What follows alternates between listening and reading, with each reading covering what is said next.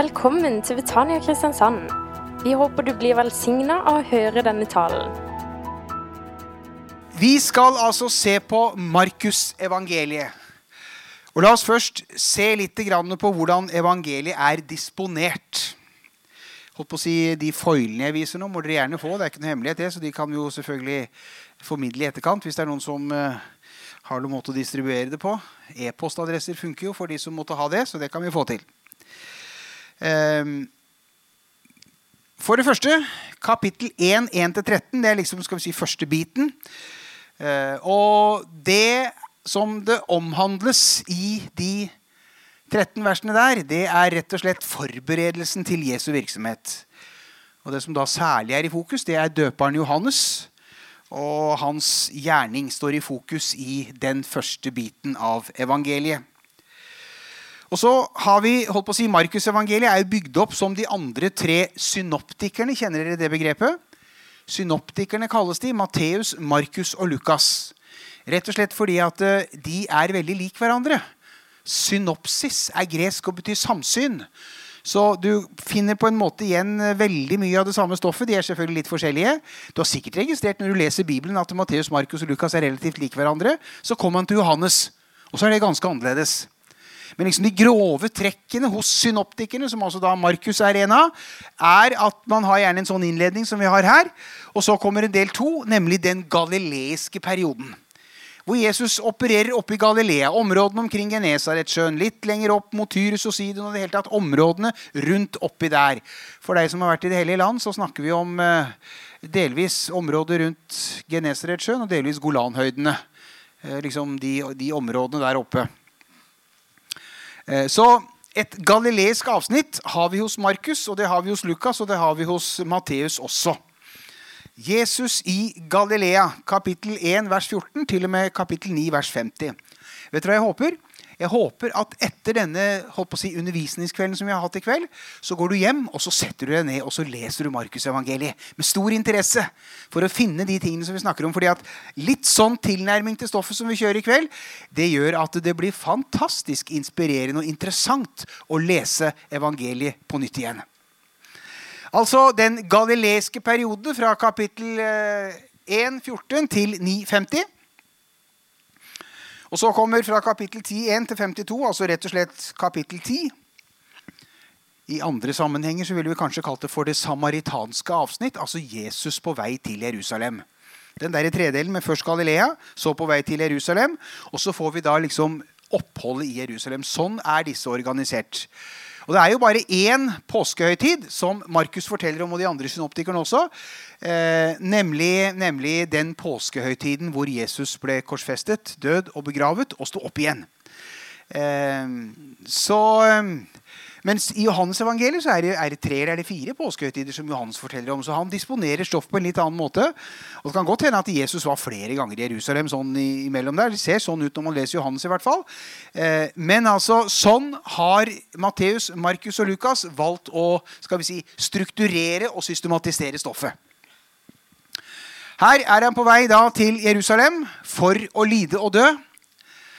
Eh, og så kapittel 11, 12 og 13 så er det da Jesus i Jerusalem. Her er det konflikt med fariseerne. Her har vi Jesu endetidstale, som er av det stoffet som gjengis i den delen av Markusevangeliet. Eh, I disse tre kapitlene her.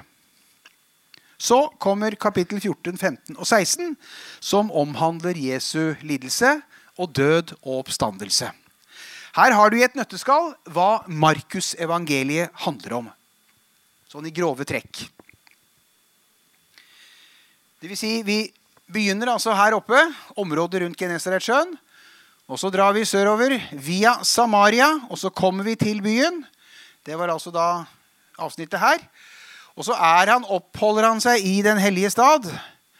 Først holdt på å si, en del ting som skjer der, og så da det mest dramatiske og mest markante, kapittel 14, 15 og 16, med Jesu lidelse og død og oppstandelse. Ehm, så skal vi si litt om Markusevangeliets særpreg. Hva er det som er spesielt med Markusevangeliet kontra de andre evangeliene? Ja, For det første så merker vi oss at Markusevangeliet er det korteste av evangeliene. Har du lagt merke til det? Det er det på en måte med, med minst stoff. Jeg må si, jeg, jeg, har alltid hatt en forkjærlighet for det evangeliet der. Altså. Jeg syns det er så fresht. Jeg synes det er, så, eh, si, det, er så, det er så morsomt å lese. Og holdt på å si, Noe av grunnene til det det vil du se etter hvert nå, som vi bidrar med mer stoff rundt dette. Eh, altså Det korteste av evangeliene, og det som da er litt sånn typisk, det er som vi ser her at Jesu ord trer litt mer i bakgrunnen. Går du til Lukas, for eksempel, så har du masse referater av lange taler av Jesus. Eh, går du til Matteus, så har du akkurat det samme. Mens Markus er ikke så opptatt vil ikke si at han ikke er opptatt av, men i hvert fall, det er ikke så mye av det. Det er mer action. Altså Markus-evangeliet er et evangelie med et handlingenes evangelium. Det er Jesu gjerninger som mer enn noe annet preger evangelisten Markus sin framstilling av Jesu liv. Liv og bevegelse preger evangeliet. Og Det ser du når du begynner å lese det. Vet ikke om du Har lagt merke til det? Har du lagt merke til hvor mange ganger ordet straks kommer i Markusevangeliet?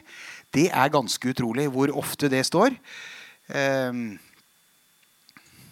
ja. Um, når det gjelder dette ordet 'straks', som altså brukes igjen og igjen, uh, så har jeg tatt et bare lite utsnitt. Jeg bare søkte på 'straks'. Hvis, inn, hvis, du går inn på www.bibel.no, hvor du har Bibelselskapets oversettelse, og så søker du etter ordet straks og i Markus, så finner du dette bare i begynnelsen. starten. Se hvor mange ganger. Kapittel 1, vers 10. Straks steg han opp av vannet. 1.12. Straks etter drev ånden ham ut i ørkenen. Straks lot de garnene ligge, og de fulgte. Ikke sant? Og ryktet om ham kom straks overalt i hele Galilea-området. Ser du det? Wow! Det er action i dette evangeliet. Eh, vi ser altså møter virkelig Jesus som en handlingenes mann. Og vi ser at gang på gang så griper han straks inn i menneskers liv, og store ting skjer. Akkurat sånn som vi så Gud grep inn i Det gamle testamentets Israel. Ikke sant? Så griper Gud inn. Og her griper Jesus inn igjen og igjen i menneskers liv. Så Markusevangeliet ønsker å gi oss anskuelsesundervisning i Jesu liv og virke. Og så er evangeliet rikt på en del sånne smådetaljer. Eh, som på en måte er med å levendegjøre beretningene på en veldig inspirerende måte. Når Jesus forklares på berget, for eksempel, i kapittel 9, vers 3, vet ikke om du har lest det, der leser vi følgende.: Seks dager senere tok Jesus med seg Peter og Jakob og Johannes og førte dem opp på et høyt fjell, hvor de var alene. Eh, der ble han forvandlet for øynene på dem, og klærne hans ble skinnende hvite. Og klærne hans ble så skinnende hvite at ingen som bleker klær her på jorden, kan få dem så hvite. Den detaljen her han gjorde dem så hvite at ingen klesbleker, ikke Blenda engang, som vasker hvitere, er i stand til å få de klærne til å være så hvite som det hans klær var da, i det skinnet som de opplevde der på fjellet. Altså En del sånne detaljer som virkelig er med å levendegjør det som det står om. Og da Jesus stiller stormen på Genesaretsjøen i kapittel 4, vers 38 så fortelles det følgende. ikke sant? Bølgene begynte å slå, og stormen ble kraftigere og kraftigere. Hva med Jesus? Han lå og sov på en pute bak i båten. Den puta den er Markus alene om å ha med. Verken Lukas eller noen av de andre har med puta. De forteller, om, de forteller om stormen og forteller om at Jesus stilte den, men han lå så på en pute bak i båten. De vekket ham og sa til ham, 'Mester, bryr du deg ikke om at vi går under?' Det er jo som om si, vi møter et sant menneske. Eh, jeg talte vel litt om det her på en av disse søndagene, om at Jesus er sann Gud og sant menneske. Var det noen av dere som og hørte det? Bra. Eh, og da er det liksom hans guddommelighet. Er greit. Men her, selvfølgelig, men her får altså Markus på en måte fram det sant menneskelige. Og denne puta var tydelig planlagt litt. Jesus visste at han kom til å bli trøtt. Han visste at etter en stri dag med masse folk til og fra hele dagen, og alt dette, så ville han trenge hvile. Og han hadde sikkert da tydeligvis planlagt å slappe av litt i båten på veien over til Kvarnahum hjem, til, til Nahums landsby, Kapernaum, som det jo heter på i, i vår bibel. Eh, så, så han hadde med seg en pute som han lå på. Ganske morsomt. Og apropos sånne detaljer, selv om Markusevangeliet er det korteste, så er det faktisk det av evangeliene som har med seg flest navn. Altså Markus har med seg flere navn enn de andre evangelistene. Så liv og bevegelse preger evangeliet, som vi sa. Men evangeliet er også utrolig realistisk.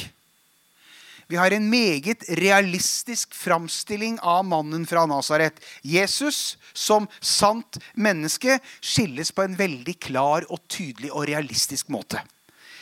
Eh, flere eksempler på det. Et av eksemplene er jo kapittel 3, vers 5.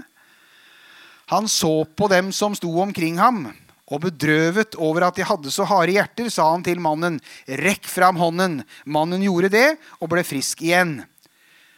Han var harm, sto omkring ham, harm og bedrøvet over at de hadde så harde hjerter. Legg merke til den formuleringen. Harm og bedrøvet. Tydelig et sant menneske. Ja visst var Jesus Guds sønn. Visst var han Gud åpenbart iblant oss på jorda. Men samtidig så ser vi den menneskelige siden. Han var sann Gud, og han var også sant menneske. Harm og bedrøvet så han på dem. Rekk ut hånden. Og mannen gjorde det, og mannen ble øyeblikkelig frisk kapittel 8, vers 12, har vi også denne realistiske vinklingen på det som skjer. Da sukket han dypt og sa Det er som om du formelig merker akkurat dette. Hvorfor krever denne slekten et tegn? Sannelig, jeg sier dere, aldri skal denne slekten få noe tegn. Dermed gikk han fra dem, steg i båten igjen og dro over til den andre siden.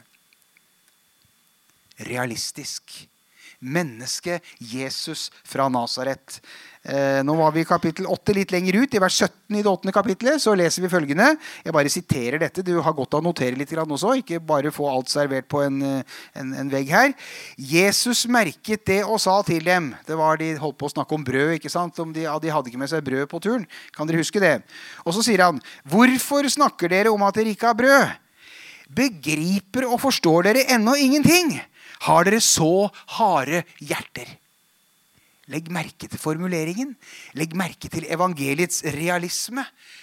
Fatter og begriper dere ingen verdens ting? Ikke sant? Og Dessuten en annen sak i dette med det realistiske, og som for så vidt også penser over i eh, det guddommelige også, det er Markus' stadige bruk av ordet 'menneskesønnen'. Menneskesønnen understreker to ting. For det første så understreker det veldig klart og tydelig Jesus' sammenheng med oss mennesker.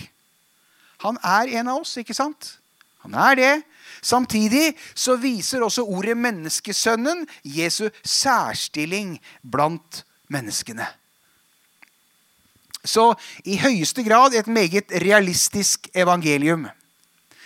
Men det som er det primære for Markus, det er å forkynne Jesus som Guds sønn. Og Det kommer fram mange steder. Det kommer fram allerede helt i starten av evangeliet. I Markus kapittel 1, vers 1 så leser vi følgende. Her begynner evangeliet om Jesus Kristus, Guds sønn. Så han vil ha det fram. Og vi så går fram til kapittel 15, nokså langt ut, og vers 39 da offiseren som sto foran ham, så hvordan han utåndet, det er korsfestelsen her, så sa han Sannelig, denne mannen var Guds sønn. Igjen en markering av dette. Men allikevel, denne skal vi si, Messias-hemmeligheten, som eh, man ofte om, snakker om, det var også noe han forsøkte å holde hemmelig.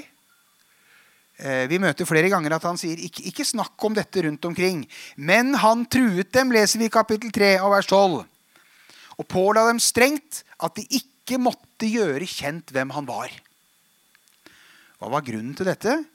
Eh, grunnen var nok de veldig markante Messias-forventningene i samtiden. Altså det må være klar over at Den tiden da Jesus gikk omkring her, så var det en veldig forventning i hele det jødiske samfunn. Kommer ikke snart han som skal hjelpe oss å vrenge vekk dette romeråket? Vi er så lei av å være styrt fra Rom. Vi er så lei av å ha dette åket over oss. Vi ønsker å bli kvitt dette. Og Derfor så kikket man seg stadig omkring. Er det en Messias her? Kommer han ikke snart? Han som Herren har lovet. Det er jo noe som preget ikke bare det som skjedde akkurat rundt Jesus, men det er jo en generell sak som går går som en rød stripe gjennom hele Det gamle testamentet og helt fram til våre dager.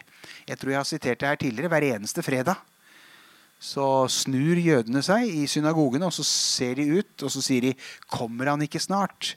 Betlemitten, Isais sønn. Og så vet vi hvem han er, denne betlehemitten Isais sønn. Men ikke sant? dette går som en rød tråd. Vi så det jo allerede eh, holdt på å si, ved Moabs ødemarker, da de var i ferd med å skulle innta det hellige land. Hvor eh, profeten, eh, som da var leiet av Israels fiender, sto der på høyden og skulle forbanne. Og Så forsøker han igjen og igjen å forbanne, men han får det ikke til. Og så sier han, 'Jeg ser han, men ikke nå.' En stjerne stiger opp fra Jakob. Altså denne forventningen av en Messias som skulle komme. Og som sagt, på Jesu tid så var dette veldig markant. Eh, I forbindelse med palmesøndag så forteller forteller Johannes om dette. og Han forteller om fariseernes holdning.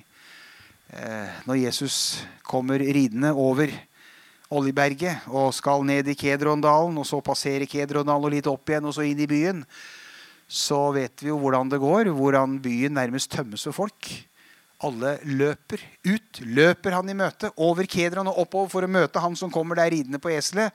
Og så sier fariseerne all verden løper etter ham. Hvorfor gjør de det? Nettopp pga. denne Messias-forventningen. Det er klart at det var litt farlig også. Det var ikke for ingenting at, man, eh, at romerne var litt spesielt obs, ikke minst ved påsketider. Da var man spesielt obs, fordi det var jo den store festen hvor de feiret frigjøringen fra Egypt. Det var jo det som er den opprinnelige innholdet i påsken. De feiret altså at endelig er vi kvitt egypteråket. Nå var det et annet åk de ønsket å bli kvitt. Derfor var det veldig naturlig at i påsken måtte man være obs, fordi at ting kunne skje. slik at eh, De romerske soldatene var veldig redd for at tingene skulle gli ut av kontroll. Og ikke minst de som var eh, prokonsuler og prokuratorer, sånn som, eh, sånn som, Pilatus var, de var veldig obs på dette fordi at eh, de skulle svare for sine gjerninger og for keiseren. Og hvis ikke disse gutta her klarte å styre provinsene på en skikkelig måte, så kunne de få trøbbel og bli avsatt. Pilatus ble faktisk avsatt. Det leser vi ikke om i Bibelen, men det skjedde senere. Han ble avsatt og fikk, holdt på å si, han ble, forli, han ble forvist til holdt på å si, Astriksland, Gallia. Frankrike. Eh, der måtte han friste. Det var mye mer inspirerende å være litt tettere på Rom, som han jo var eh, å si, i hvert fall sånn kommunikasjonsmessig når han var ved det indre Middelhav.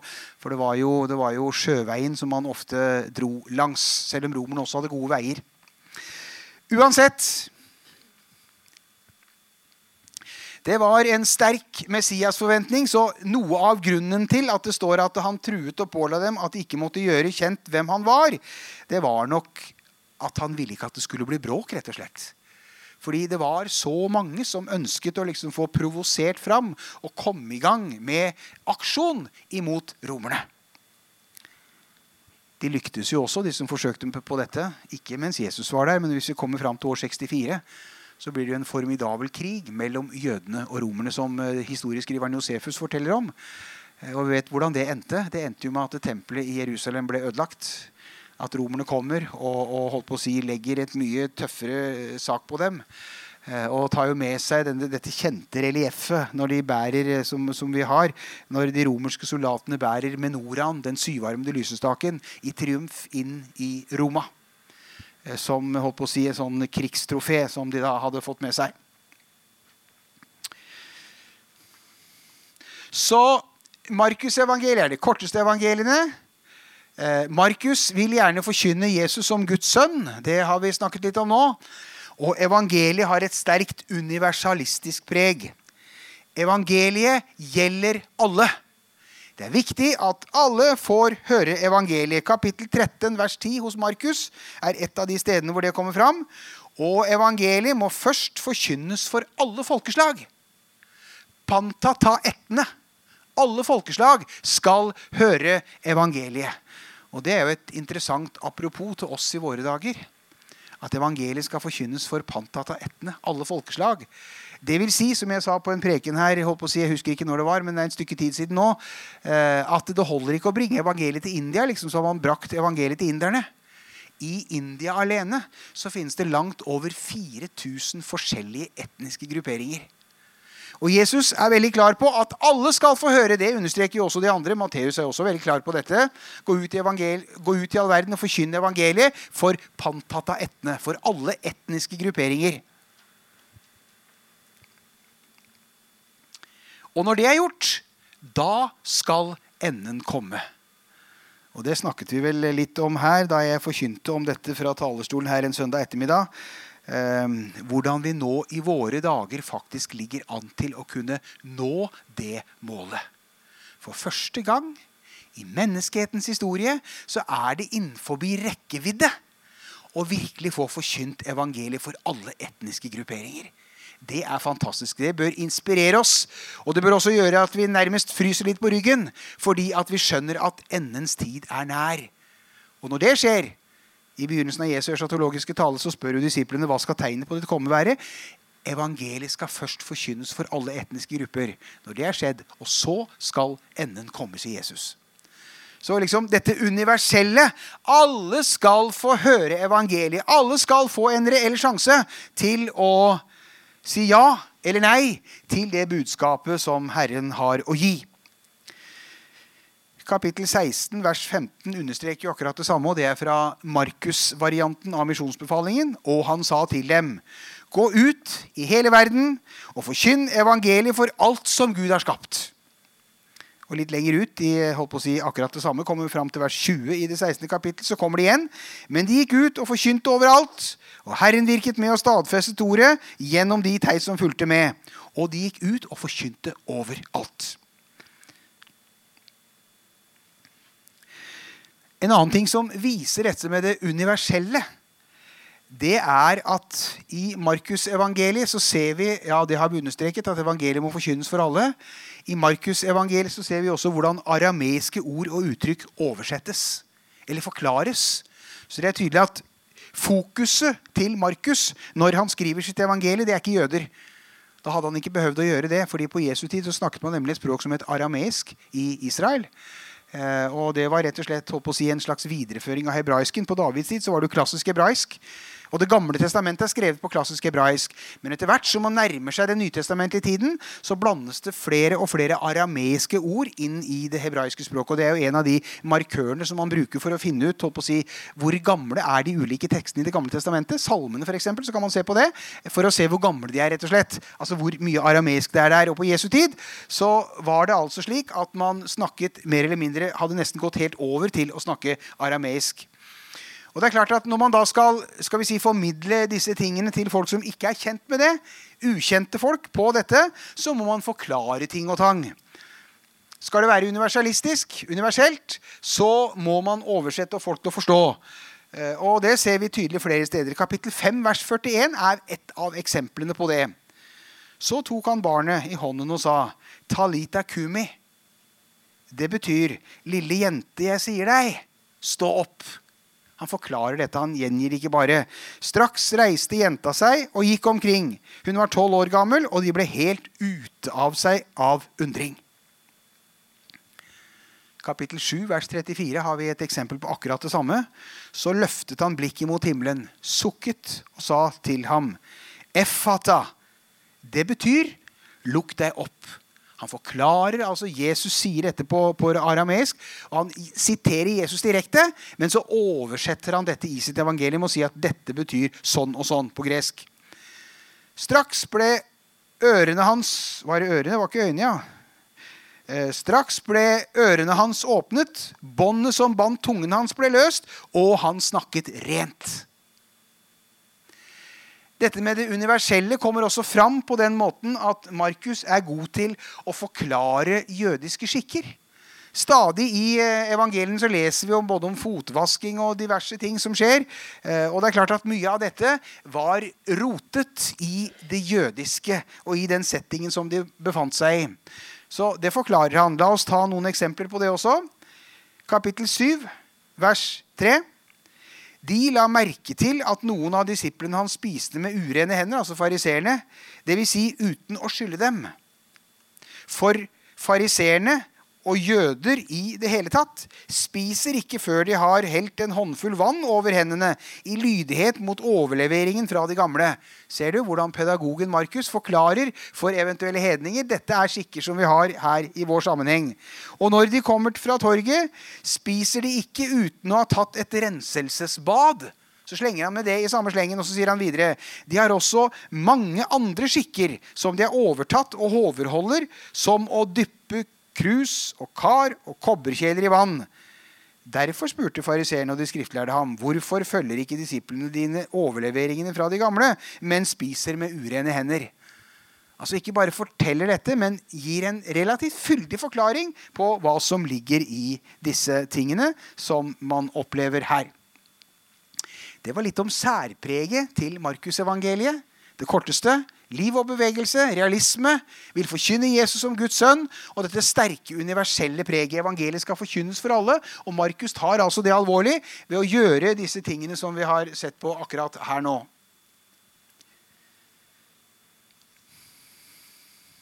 Forfatterspørsmålet. Hvem er Markus? Og holdt på å si, hvem er det som står bak dette evangeliet? Eh, og Det første vi da ser litt på, vi kikker litt på kirkehistorien. Og vi ser litt på de oldkirkelige vitnesbyrd. Det er noe man veldig ofte gjør når man ser på disse tingene. Eh, se på de som levde ikke lenge etter Jesus. Hva har de å si om dette? Og Der er det flere som har noe de skal ha sagt. F.eks.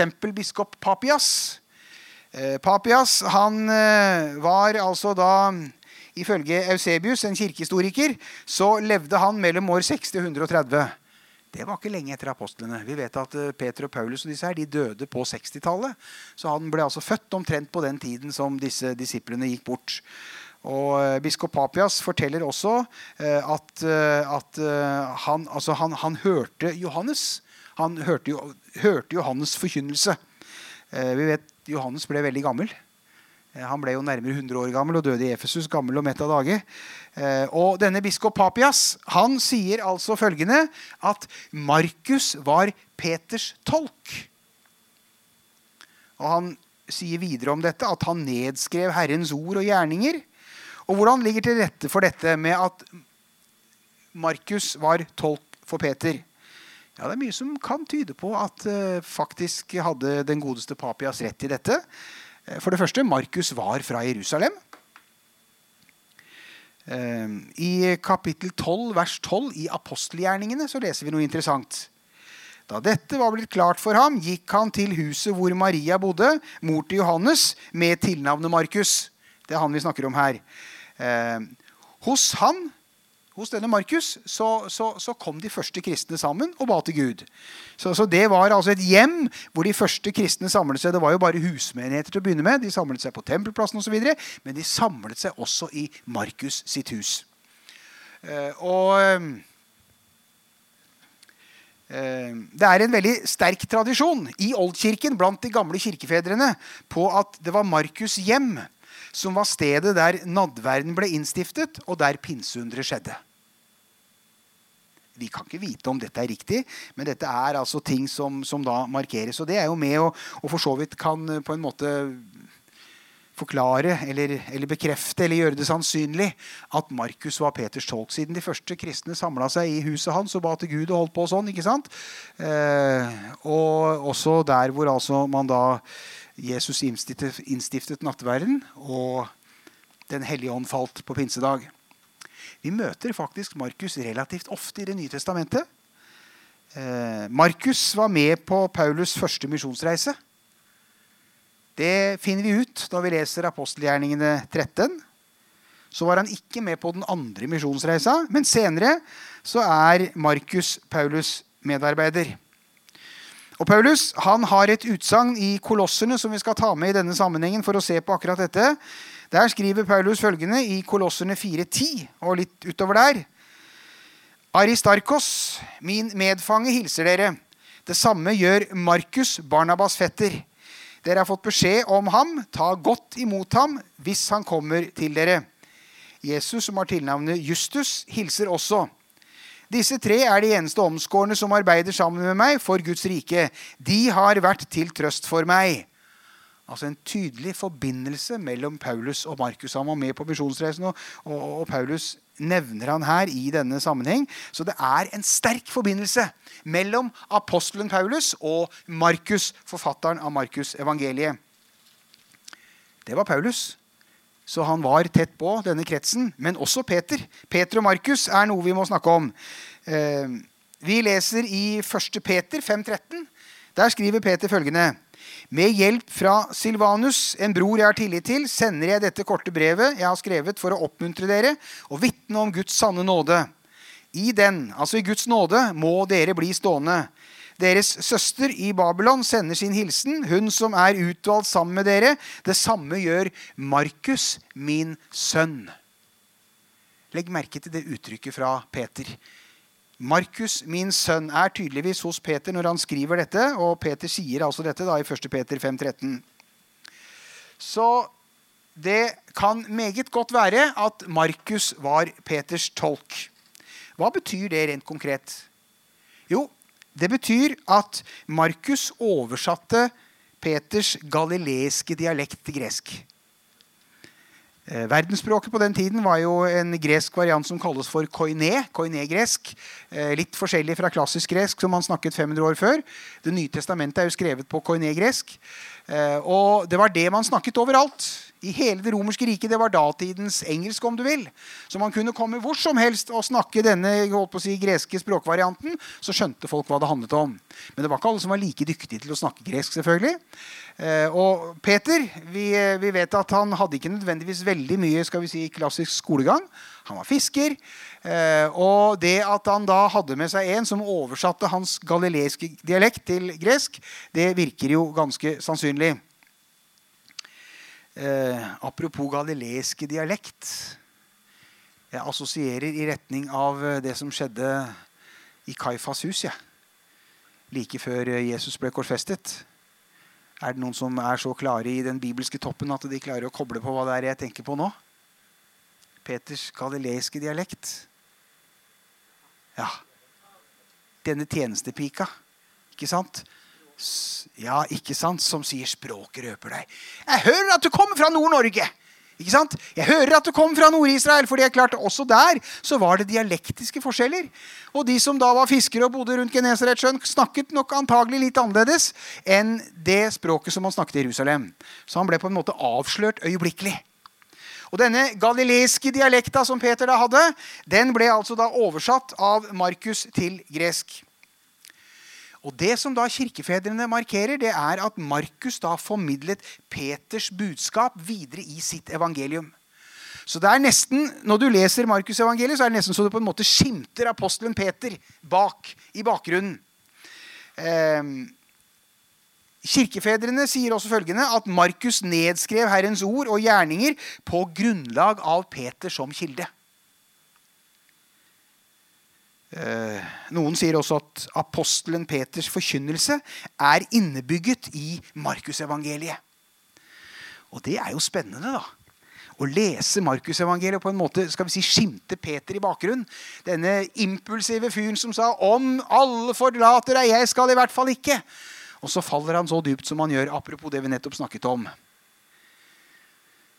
Vet dere hva jeg tenker på når jeg hører akkurat disse tingene her som jeg nå står og snakker om? Da tenker jeg at du verden og flott det var at disse beretningene er kommet med i Bibelen. Jeg vet ikke om noen av dere kjenner dere igjen. Er dere alltid veldig høye og mørke og tøffe i trynet, for å si det på litt sånn brutalt? Nei. Av og til skulle vi ønske at frimodigheten hadde vært en del hakk større, at ting var litt annerledes. Men da er det som Åge Samuelsen skriver i en av sine sanger selv. Peter som fornektet ham, fikk hilsen til seg sendt fra Han som seiret over død og grav. Halleluja! Nå ble det litt preken her. Jeg ber om unnskyldning for det. Du skulle undervise, men det gjør ikke om du faller for fristelsen å preke litt innimellom. Du, Det er jo fantastisk, ikke sant? Takk og lov at dette står. Og vi bommer av og til. Vi bommer på målet, noen og hver. Vi synder.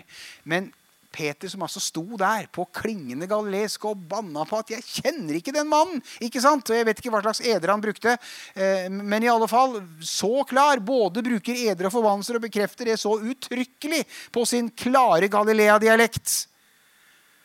Og så får han en spesiell hilsen. Hils til de andre, til disiplene og til Peter. Og dette møtet som Peter har med Jesus Nå er vi ikke Markus, nå er vi Johannes, men vi vet det skjedde det, det også, som Johannes forteller om, ved, ved stranden av Genesaretsjøen der, ikke sant? Hvor Peter kommer inn, og de har fått en masse fisk osv. Og, så og så sier Jesus, fø mine lam. Ikke sant? 'Jeg har bruk for deg, Peter. Jeg vet du har sviktet, men jeg tilgir deg.' Også Peter var selvfølgelig i akkurat samme sammenheng som oss, nemlig at han var ren og rettferdig og himmelen verdig fordi Jesus døde også for hans synder på Golgata kors. Og så ble Peter brukt på en mektig måte i den første kristne kirke. Jeg syns at det er en, si, en fin trøst og noe godt å ta med seg også for oss i en sånn sammenheng.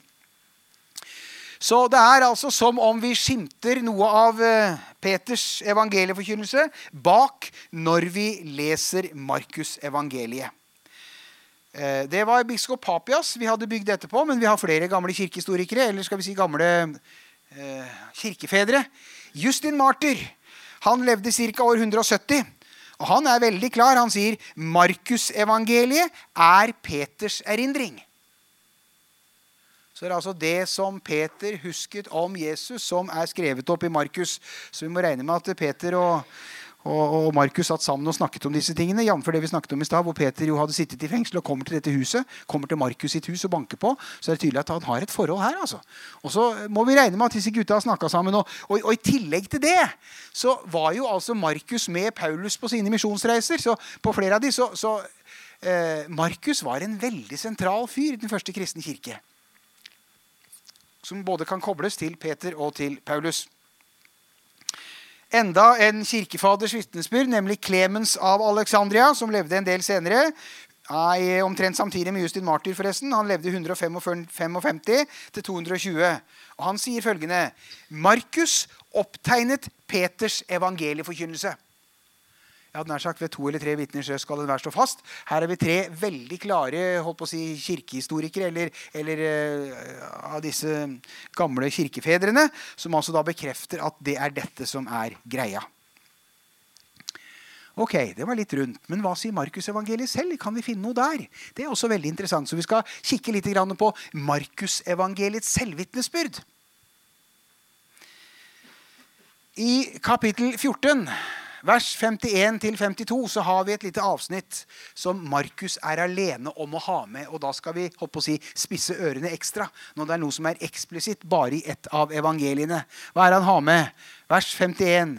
En ung mann var i følge med Jesus. Han hadde bare et linklede om seg. De grep ham. Men han slapp linkledet og flyktet naken bort. Som sagt, dette er Markus alene om å ha med. Og det kan indikere at denne unge mannen som her omtales, at det rett og slett er forfatteren av evangeliet. Det er ofte de gir sånne små markører i, i den sammenheng, i, i, skrifter fra denne tiden. Så det er som om Markus vil fortelle at 'jeg var øyenvitne til dette'. Jeg så det, det som skjedde. Eh, da har vi på en måte sett både på oldkirkelig vitnesbyrd og på evangeliets vitnesbyrd selv, hvor man altså da går i retning av Markus og hvem Markus var. og vi har kikket litt på dette. Eh, når ble evangeliet skrevet? Det er jo også interessant. Også der har vi, skal vi si, flere ting å støtte seg til. Og Det er ikke alt som er i harmoni med hverandre, men la oss allikevel dra til torg, strekke fram en del stoff rundt dette. Ireneus han levde fra 175 til 195. Ireneus var en veldig sentral figur av disse gamle kirkefedrene som ikke levde direkte etter apostelen, men en si, halvannen generasjon senere. Ireneus han var en disippel av en som het Polykarp. Og Polykarp var igjen en disippel av Johannes. Så på den måten var Ireneus på en måte et barnebarn disippelmessig av Johannes. Og Ireneus han sier følgende Markus skrev evangeliet etter Peter og Paulus død. So far, so good. Men så kommer Clemens av Alexandria opp, vet du, som vi nevnte i stad, som levde på 150-tallet til 220. Han sier evangeliet ble skrevet mens Peter levde. De sier jo rett imot hverandre, men vi er i hvert fall relativt tett på. Sånn sett. Eh, hvis vi går videre og ser litt på det som man eh, mener om disse tingene i dag, når man ser på bl.a. dette og sånn, så er det klart det har vært en del uenighet om når evangeliet måtte være skrevet. Allikevel så er de fleste forskerne i dag enige om at evangeliet er skrevet en gang på 60-tallet. Det vil altså si vel 30 år etter at, eh, etter at vi hadde den veldig kjente påskeuka i Jerusalem. Når jeg ser på dere, så ser jeg at det er flere av dere som er holdt på å si, nesten like gamle som meg. Jeg ser det på hårfargen deres. Avslørt. Jeg kan ikke se det på noen av damenes hårfarge, men uh, stort sett. da. Ja, det er bra. Fint. Jeg setter pris på det. Men, men, men i hvert fall herrene så man, får man en litt sånn særpreget farge etter hvert. Dvs. Si fargen forsvinner. Eh, og, og uh, altså jeg, jeg, har ikke vanskeligheter med å, å, å huske det som skjedde på 80-tallet. Altså. Jeg kunne sette meg ned og skrive holdt på å si, etter notater og skrive en masse om det som skjedde på 80-tallet. Eh, og det er ca. 30 år siden. Så liksom det blir på en måte forholdet. Da satte Markus seg ned, og så skrev han disse, denne fantastiske beretningen. Vet dere hva? Hva kan vi si om Det nytestamentets historisitet? Det kunne vi også undervise om. Det får vi gjøre en annen gang. Eh, Eh, det er kolossalt mye spennende stoff, spennende stoff å grave av. Altså. Hva syns dere om dette som vi snakker om i kveld? Er det bare tull? Er det ikke åndelig nok? Ja. ja. Det vil jeg dere skal si. Dere får ikke lov å si noe annet. Fordi at, eh, å si, Her handler det ikke bare om å, å, å, ha ting som klør oss i øret, og vi må rope halleluja, takk og lov. Det er bra, det også. Men vi trenger kunnskap. Vi må sette oss ned og virkelig sette oss inn i disse tingene og lære en del av disse tingene. Det gjør at man enda tydeligere skjønner at det er verdt noe den sammenhengen som vi står i, og det som vi har fått overlevert. Eh, så på den tiden, altså på 60-tallet en gang, så satte Markus seg ned og skrev disse tingene rett rundt Peter og Paulus sin død. Ok, det var nå det. Men hvor ble det skrevet? Hvor satt Markus hen og skrev dette? Der er det relativt stor enighet blant de nytestamentlige forskerne. Enighet om at avfattelsesstedet er Rom. Clemens fra Alexandria er en av de kirkefedrene som bekrefter det, og flere andre også. Og En av de tingene som er interessante, er det en dansk forsker som heter Fredrik Torm, som trekker fram. Han trekker fram veldig mange latinske ord og uttrykk i evangeliet som Markus bruker. Litt pussig at han bruker, skulle bruke så mye latin. Latinske uttrykk om det var skrevet å si, i, eh, midt i Israel eller noe sånt noe, det var jo latin som var språket i Rom. Og det var jo på en måte diplomatspråket også. Gresk var skal vi si, folkespråket, mens latin på en måte var skal vi si, eh, diplomatspråket. Eh, og Det er flere eksempler på det. La oss bringe til torgs et av de. I kapittel 12, vers 42. Men det kom også en fattig enke og la to småmynter hvert noen få øre når han sier 'hvert noen få øre her', så bruker Markus det latinske uttrykket 'quadrantes', som er et latinsk uttrykk for å forklare hvor mye enkens gave var verdt. Eh, et klassisk latinsk eksempel det fins flere av de, eh, på at eh, det er liksom en del sånne ting som trenger igjennom i evangeliet, og som utmerket peker i retning av at Markus var i Rom da han skrev dette evangeliet. Hva har vi sett på i kveld? Vi har sett på Markusevangeliet. Vi startet med en disposisjon. Hvor vi så holdt på å si, bit for bit, sånn i hovedtrekk, hva evangeliet handler om. Og så snakket vi om evangeliets særpreg straks, ikke sant? som det er mye av. Det er fart det er fart i Markus' evangeliet. Puta og en del sånne detaljer. Eh, det er et morsomt evangelie å lese. Og så har vi videre kikka litt på ting rundt forfatterskapet. Eh, omtrent på samme måte, men kanskje med litt mer vekt på budskapet kommer jeg til å snakke neste gang vi skal være sammen. Da er det andre korinterbrev som står på dagsorden. Jeg ser jeg har holdt på i tre kvarter nå. Det er egentlig et skoletime, det, så da tror jeg vi får eh, trekke inn årene. Og da takker jeg for oppmerksomheten, og så takker vi Herren. Fordi at vi får lov til å sitte og lære disse tingene uten at noen hindrer oss. Himmelske Far, takk for din nåde. Jeg ber deg, hjelp oss til å bli ivrige bibelstudenter. Hjelp oss, Herre, til å ta ditt ord og, og tingene rundt dette alvorlig holdt på å si, både i våre liv som ditt ord til oss. Men også Herre, lære dette på en måte som gjør at vi kan også lære andre å vite litt rundt dette. Som gjør at vi blir gode forsvarere av ditt evangelium. Herre, gi oss nåde til å stå i den tjenesten du har satt i, og til å stå der du vil ha oss til daglig. Herre, hør vår bønn. Jeg ber i Jesu Kristi navn. Amen. Du har nå hørt en tale fra Betania Kristiansand. For mer informasjon kan du besøke våre hjemmesider på betaniakrs.no.